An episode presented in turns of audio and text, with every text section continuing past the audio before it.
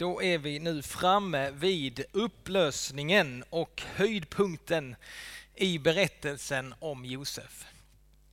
Josef han eh, blev ju först såld som slav av sina bröder till Egypten. Där så fick han ju vara i den djupaste fängelsehålan och sen blev han upphöjd till faraos sida, en, den högste eh, efter farao i hela Egypten. Och eh, bröderna, förra, förra söndagen fick vi se när bröderna fick möta Josef. De kom i stort behov av hungersnöd. De behövde Josef hjälp. Och han eh, prövar dem. Men nu börjar vi läsa i första Mosebok 45 och 1 och står det Nu kunde Josef inte längre behärska sina känslor. Tidigare så hade han fallit i gråt två gånger när han hade mött sina bröder. Men han hade döljt det för sina bröder. Men nu, som vi läste förra gången, när hans bror Juda så innerligt vädjade för den minste Benjamin. När Juda erkände att Gud hade avslöjat deras synd och när Juda liksom bara erbjöd sig att gå in i Benjamins ställe. Låt mig ta platsen, låt mig bli fängslad istället för honom. Det blev beviset för Josef. Då förstod Josef att det, det hade hänt någonting med bröderna på 22 år. Nu behövde han inte hålla dem på sträckbänken längre. Nu kunde han avslöja för dem vem han var. När bröderna ödmjukade sig så fick de möta barmhärtighet. Så här står det, nu läser vi. Nu kunde Josef inte längre behärska sina känslor inför hovmännen. Låt alla gå ut härifrån, ropade han. Ingen av dem var kvar hos honom då han gav sig till känna för sina bröder. Och Josef han brast i gråt. Han grät så högt att egyptierna hörde det och faraos hov fick veta vad som hänt. Josef sade till sina bröder, jag är Josef, lever min far? Hans bröder kunde inte svara honom, så förskräckta blev de. Och då sade Josef till bröderna, kom fram hit. De gick fram till honom och Josef sade, jag är Josef, er bror, som ni sålde till Egypten. Men var inte bedrövade för att ni sålde mig hit och förebrå er ingenting. Det var för att rädda liv som Gud skickade mig hit före er. I två år har det nu varit hungersnöd i landet och det kommer fem år till då man varken ska plöja eller skörda. Gud skickade mig före er för att trygga er fortlevnad på jorden och för att bevara er vid liv och rädda många. Det är alltså inte ni som har skickat mig hit, utan Gud. Och han har gjort mig till faraos främste rådgivare, till ledare för hans förvaltning och styresman över hela Egypten. Skynda er nu tillbaka till min far och säg till honom, så säger din son Josef. Gud har gjort mig till herre över hela Egypten. Kom hit till mig utan dröjsmål. Du ska få bo i Goshen, där du är nära mig. Du själv och dina barn och barnbarn, dina får och dina kor och allt du äger. Där ska jag sörja för dig, ty ännu återstår fem år av hungersnöd. Men du ska inte lida någon brist, varken du eller din familj eller någon av dem som tillhör dig. Ni ser ju själva, både min bror Benjamin och ni andra, att det verkligen är jag som talar till er. Berätta för min far om vilken ställning jag har i Egypten och om allt ni har sett och hämta honom så fort ni kan. Han föll sin bror Benjamin om halsen och grät och Benjamin grät i hans famn. Josef kysste alla sina bröder, tog dem i famn och grät. Sen talade han och bröderna med varandra. Alltså vilken, vilken berättelse och vilken vändning för bröderna. Va? De hade ju aldrig någonsin i sin vildaste fantasi kunnat ana den här vändningen av berättelsen. Men här kommer liksom alla känslorna på en och samma gång för Josef. Och nu visar han sig för bröderna. Och han väljer att göra det ensam med bröderna. Han vill vara ensam med dem. Det hade han inte varit innan. Han hade talat genom en tolk till bröderna och det hade varit hovmästaren som hade talat direkt till bröderna om vad som gällde. Men nu fick det inte vara någon närvarande när Josef skulle avslöja sig för bröderna. Och han kallade dem till sig. Han sa kom hit, kom fram till mig, kom nära mig. Och där, när de fick vara nära honom, så förstod de att det var Josef. Och Josef han lugnade sina bröder. Han sa att det var Gud som hade sänt honom hit. Det var inte brödernas fel. Gud hade sänt honom hit för att rädda många. Det är inte ni som har sänt mig hit, utan det är Gud. Och han upprepar det för bröderna tre gånger. För Josef, han hade förstått liksom, han hade förstått att Gud hade sin hand med i detta. Han såg liksom skeendet på ett annat sätt.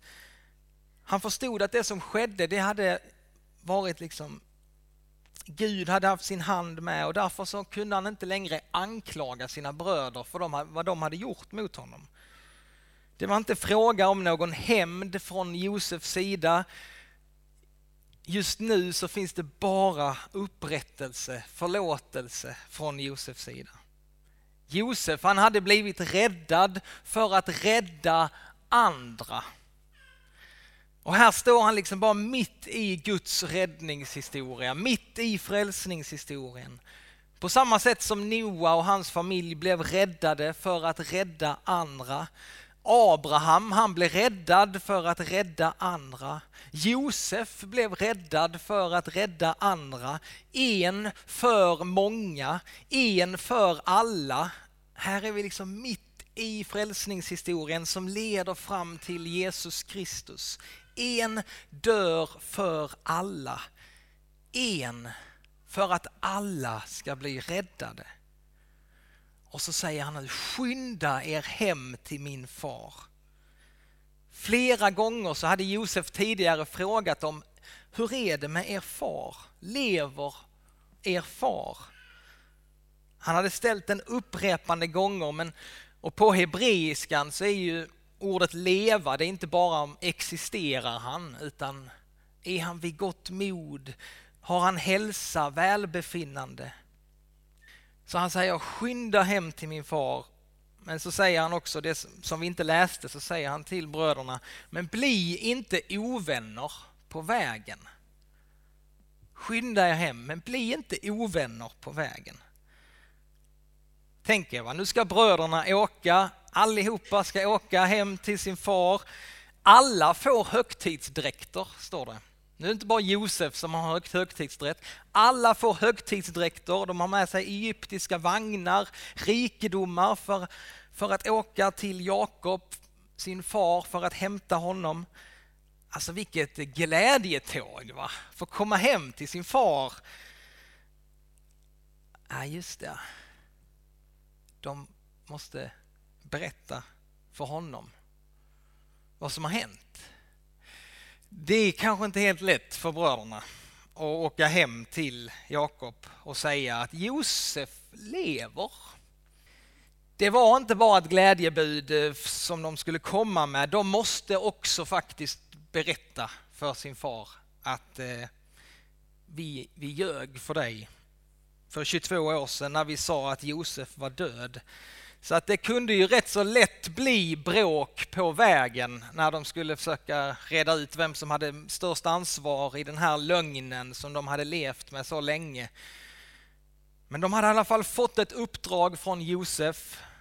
Skynda er och så bli inte ovänner på vägen. Och som vi sett tidigare i Josef-berättelsen så finns det så många likheter mellan Josef och Jesus och det gäller också här. Alltså när Jesus hade uppstått från de döda så står det att lärjungarna de hade också svårt att känna igen honom. De kunde inte tro att det var Jesus de såg. Deras ögon de var typ tillslutna i början och vi ser att det var inte lätt för Josef att övertyga bröderna att det var han. Och Jesus fick på samma sätt också övertyga sina lärjungar om att han verkligen levde. Det var på riktigt. Till Thomas så säger Jesus så här att räck hit ditt finger. Här är mina händer, räck ut din hand, stick den i min sida, tvivla inte utan tro. Och på samma sätt så ger Jesus sig till känna också idag, i vår tid. Även idag så sker det att ögon öppnas och plötsligt så får människor se Jesus, lära känna honom idag. Men det är framförallt för den som har ett förkrossat hjärta och ett ödmjukt hjärta. För vi ser att det var när bröderna erkände sin synd som Josef gav sig till känna. Och så är det också för den som vill lära känna Jesus idag. Den som har kommit till insikt att jag själv är maktlös inför mina problem, mitt, mina beroende, saker som jag brottas med, min synd. Jag behöver en frälsare. Och när en människa har kommit liksom till den punkten då finns det ingenting av stränghet kvar hos Jesus. Vi kan ju se att Jesus han var, kunde vara väldigt hård och sträng mot de som var högmodiga, de som var stolta här i världen. De som litade på sin egen rättfärdighet. Men så fort Jesus mötte ödmjukhet, människor som liksom såg sitt behov, då var han bara mild och uppmuntrande. Och Jesus han ville på samma sätt som Josef liksom, ta oss nära, omfamna oss, gråta med oss, trösta oss. Och han ger oss också en ny chans. När vi har fallit så får vi alltid en ny chans av Jesus. Och han ger oss också ett uppdrag. På samma sätt som bröderna fick ett uppdrag. Och vi kan se på det här uppdraget. Vad innebär det här uppdraget som de fick av Josef? Jo, för det första så skulle de berätta om vad de hade sett och hört. De skulle berätta om vad Gud hade gjort. Det är det första. Och det andra, bröderna skulle gå ut med en inbjudan. Kom, kom hit. Alltså visst är det en rätt så bra beskrivning va, på vårt uppdrag som församling. Som kristna idag. Alltså vi ska ju gå ut, vi ska berätta om vad vi sett och vad vi har hört och vi ska berätta om vad Gud har gjort. Hans underbara gärningar. Vad Gud har gjort genom Jesus Kristus. Och sen ska vi ju inbjuda folk på samma sätt som bröderna. Alltså kom med, följ med och se. Kom, här finns en plats för dig. Skynda dig. Du är välkommen. Det finns en inbjudan för varje enskild människa. Vilka fick uppdraget då? Jo, bröderna fick uppdraget. De som en gång hade svikit men som nu hade fått möta Josef igen. Och vi ser också att det är just sådana personer som Jesus ger sitt uppdrag till. De, det är sådana personer som får förtroende av Jesus. I Apostlagärningarna så kan vi läsa eh, om en man vid namn Cornelius. Han fick ett besök av en ängel. Och då kan man väl tänka att ängeln liksom kan väl berätta evangeliet för Cornelius. Det kan väl vara bra om det kommer ifrån ängeln. Ängeln kan väl berätta om vad Jesus har gjort? Nej, ängeln berättar inte. Utan ängeln säger, skicka nu några av dina män till Joppe för att hämta en viss Simon som kallas Petrus. Han har någonting att berätta för dig. Alltså Gud använder inte änglar att berätta om evangeliet. Utan han använder människor som Petrus. Och vad gjorde Petrus? Jo, han svek Jesus. Han svek Jesus, han förnekade sin mästare. Han förnekade honom vid tre tillfällen. Men Petrus han fick möta Jesus igen och så fick han bli upprättad och han förstod för alltid att han var en förlåten syndare. Det är just sådana personer som Gud vill använda. Ängeln kunde inte berätta evangeliet för Cornelius. För ängeln hade inte fått uppleva förlåtelsen. Bara den som själv har upplevt Guds oerhörda nåd kan få ge den här gåvan vidare. Och detta blev, eh, samma sak blev så stort för Paulus. Han skriver så här, jag tackar honom som har gett mig kraft, Kristus Jesus vår Herre, för att han fann mig värd förtroende och tog mig i sin tjänst. Mig som förut var en hädare och hänsynslös förföljare. Men jag mötte förbarmande. Det är precis sådana människor som Gud vill ta i sin tjänst. Hur skulle det här uppdraget utföras då? Jo, för det första, skynda er. Skynda er, det är viktigt det här. Alltså budskapet måste fram i tid. Det är viktigt att ni prioriterar detta framför annat. Ni får inte liksom ta några avvägar utan det är bara skynda er direkt. Ni måste berätta detta. Det är prio ett. Alltså låt budskapet komma fram. Det är viktigt, skynda er. Och för det andra, bli inte ovänner på vägen. Vi kan se att när Jesus alltså samlade sina lärjungar för sitt sista tal, sin sista samling, så, så talar han, han ägnar mycket energi till detta. Han sa att ni ska vara ett.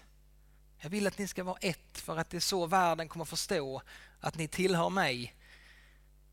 Han, han, han var så angelägen om enheten mellan oss kristna. Och här har vi ju en del att jobba på va? inom kyrkan.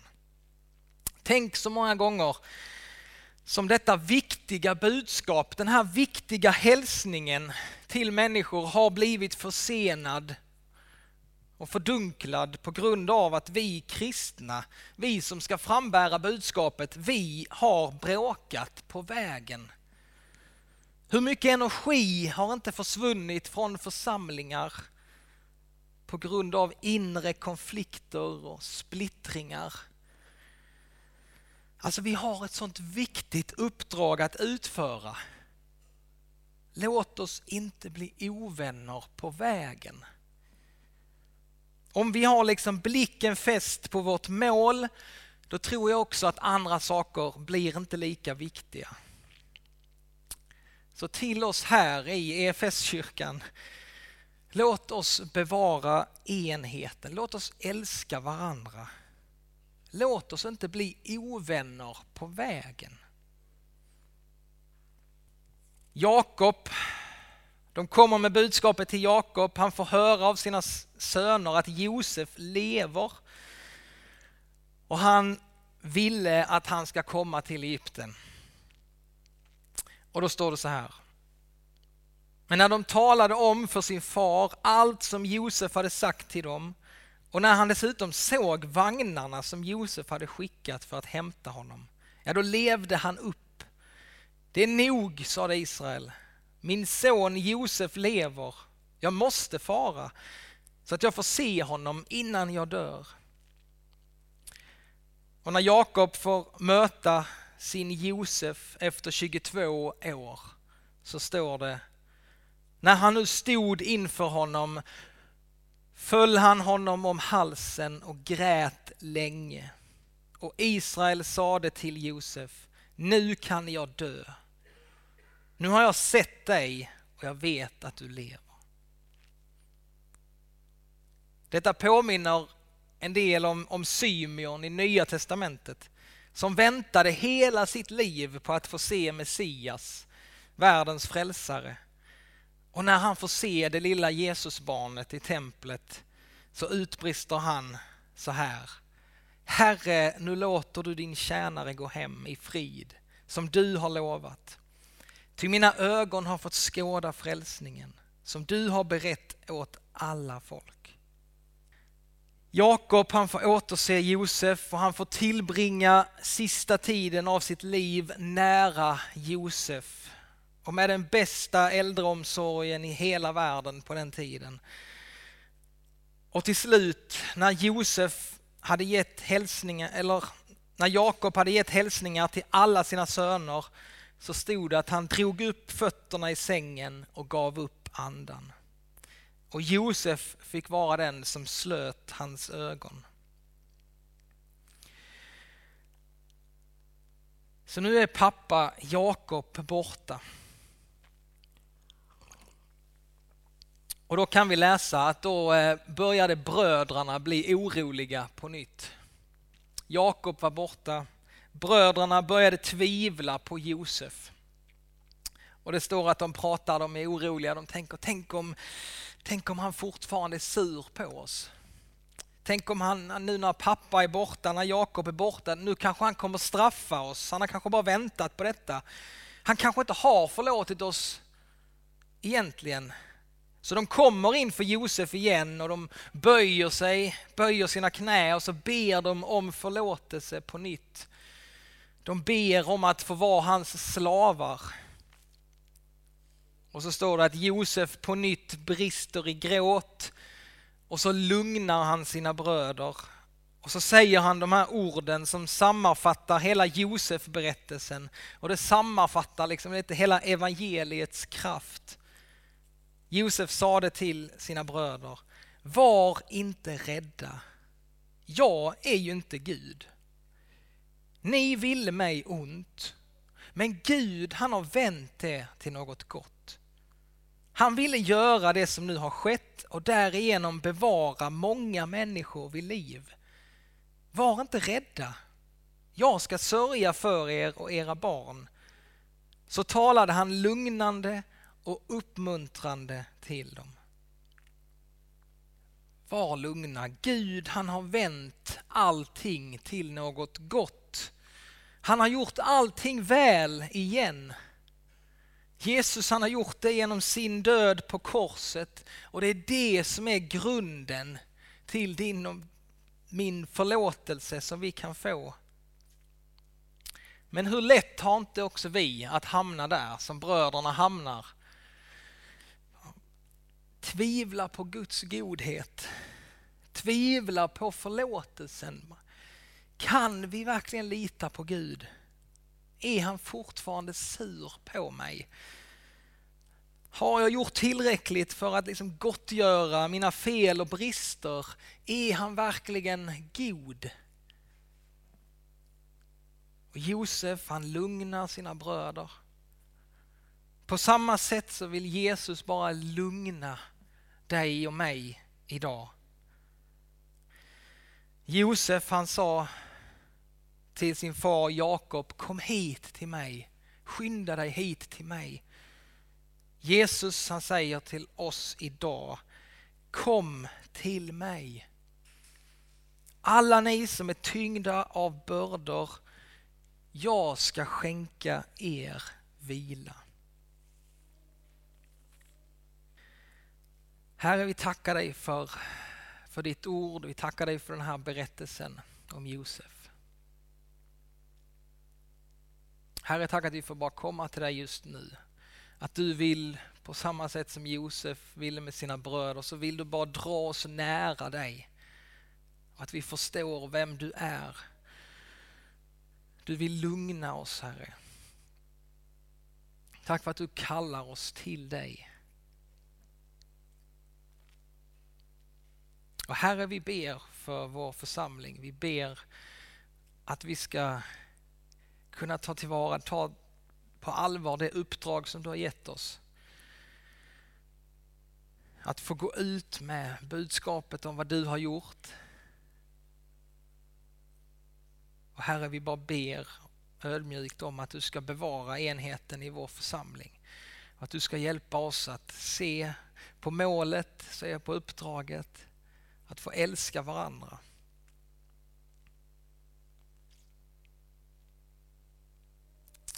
Vi ber i Jesu namn. Amen.